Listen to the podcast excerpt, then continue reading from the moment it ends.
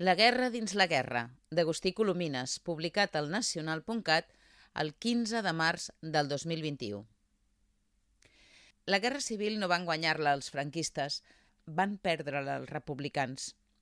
Per sort de la historiografia, un cop superada l'etapa dels historiadors militants, tenim estudis suficients que ens demostren fins a quin punt l'intent de fer la revolució, mentre es combatia el feixisme, va ser suïcida per als interessos del republicanisme demòcrata.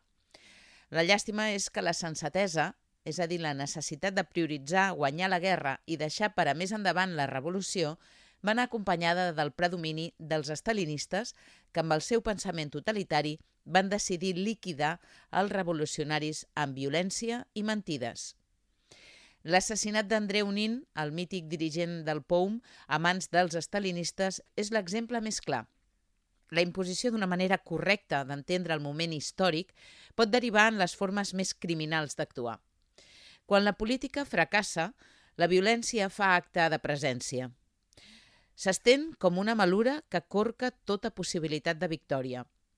Els retrets entre els exiliats republicans de les diverses faccions van ajudar, encara que fos indirectament, a la consolidació del franquisme. Diuen que els humans som l'espècie que ens sopega amb la mateixa pedra tantes vegades com calgui. Som animals racionals amb una memòria més curta que una cua de pansa. El franquisme es va allargassar en el temps perquè l'oposició democràtica va trigar molt a recompondre's. També és cert que la repressió va ser molt dura i va aconseguir esporuguir la població que, inclús en casos d'antics militants revolucionaris, va abandonar tota activitat política per haver quedat fastiguejada del politiqueig i esglaiada. Quants nets van descobrir on eren i què havien fet els seus avis durant la guerra després de la mort del dictador? El record de les disputes entre republicans va contribuir al silenci tant com la repressió franquista que no es va aturar fins al final dels seus dies. Els polítics antidemocràtics aprofiten la por i el tedi de la gent per imposar-se. La qüestió és debilitar l'enemic, sigui com sigui. Espanya no és avui dia una dictadura, però tampoc no és una democràcia plena. La persecució judicial de l'independentisme català és una forma d'escampar la por. Busca destruir voluntats i substituir el parlamentarisme pels tribunals de justícia. Primer va ser Catalunya, però ara li toca el torn fins i tot a la Comunitat de Madrid. Tenir por és humà. Els polítics també són persones fetes de carn i ossos i no cal fer retrets a qui demostra temor en públic. Som humans i potser com més humans siguem, més lúcids esdevindrem.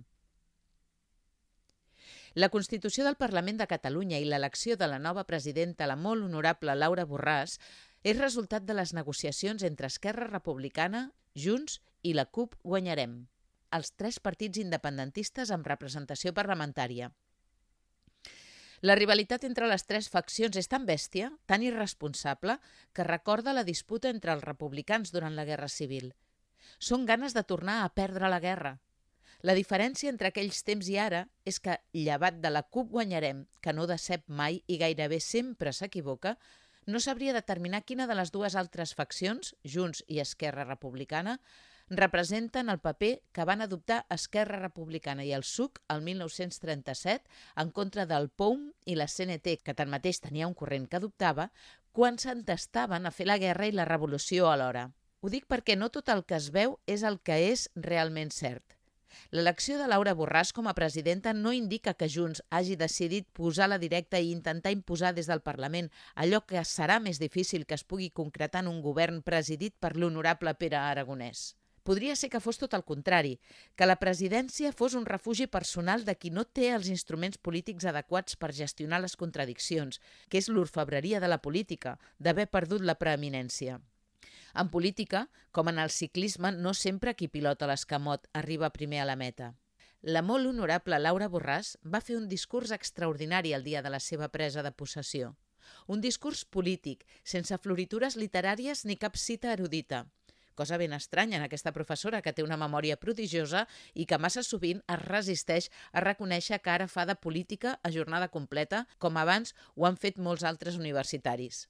Divendres passat va deixar enrere aquesta mena de coqueteria d'alguns electes de Junts sobre si són polítics o no, i es va decidir a pronunciar un discurs de calat polític.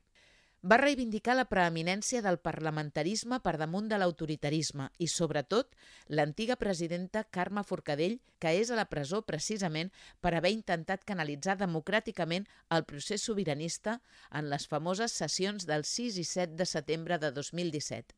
En aquelles sessions es van aprovar les lleis de desconnexió, la de referèndum i l'anomenada llei de transitorietat jurídica.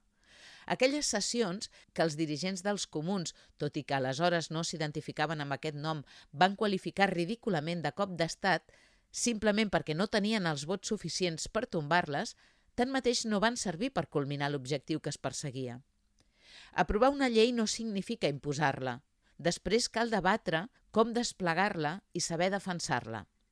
Però això no comptava per a gent com Joan Coscoviela, Lluís Rebell o Jessica Albiach.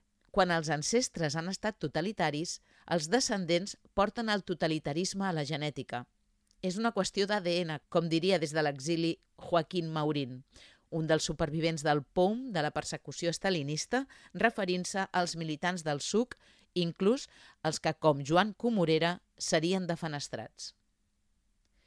Ja tenim constituït el Parlament de la tretzena legislatura, mal número per als supersticiosos.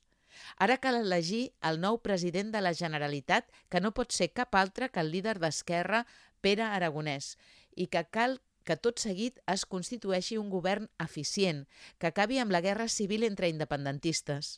Tot i no compartir les raons per les quals Mireia Boia exhorta la CUP Guanyem a assumir responsabilitats governamentals, em semblaria perfecte que els copaires es responsabilitzessin de la gestió d'un departament en el nou govern.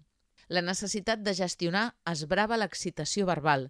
Ho demostren molts regidors i alcaldes de la CUP que, com tots els polítics, saben nedar i guardar la roba quan convé. Podria posar-ne molts exemples, però no cal potser ha arribat l'hora d'ajudar la CUP a fer aquest pas a nivell nacional i acabar d'una vegada amb la inestabilitat generada des del 2015 pel fet que un dels partits independentistes assumeix el paper de Pep Consciències, mentre que els altres dos s'han d'escarrassar per tirar endavant el país i el procés d'alliberament nacional. Si la voluntat de la CUP guanyem, o fins i tot Esquerra, és fer la revolució, potser que aprenguin de la història i abans guanyin la guerra entre tots.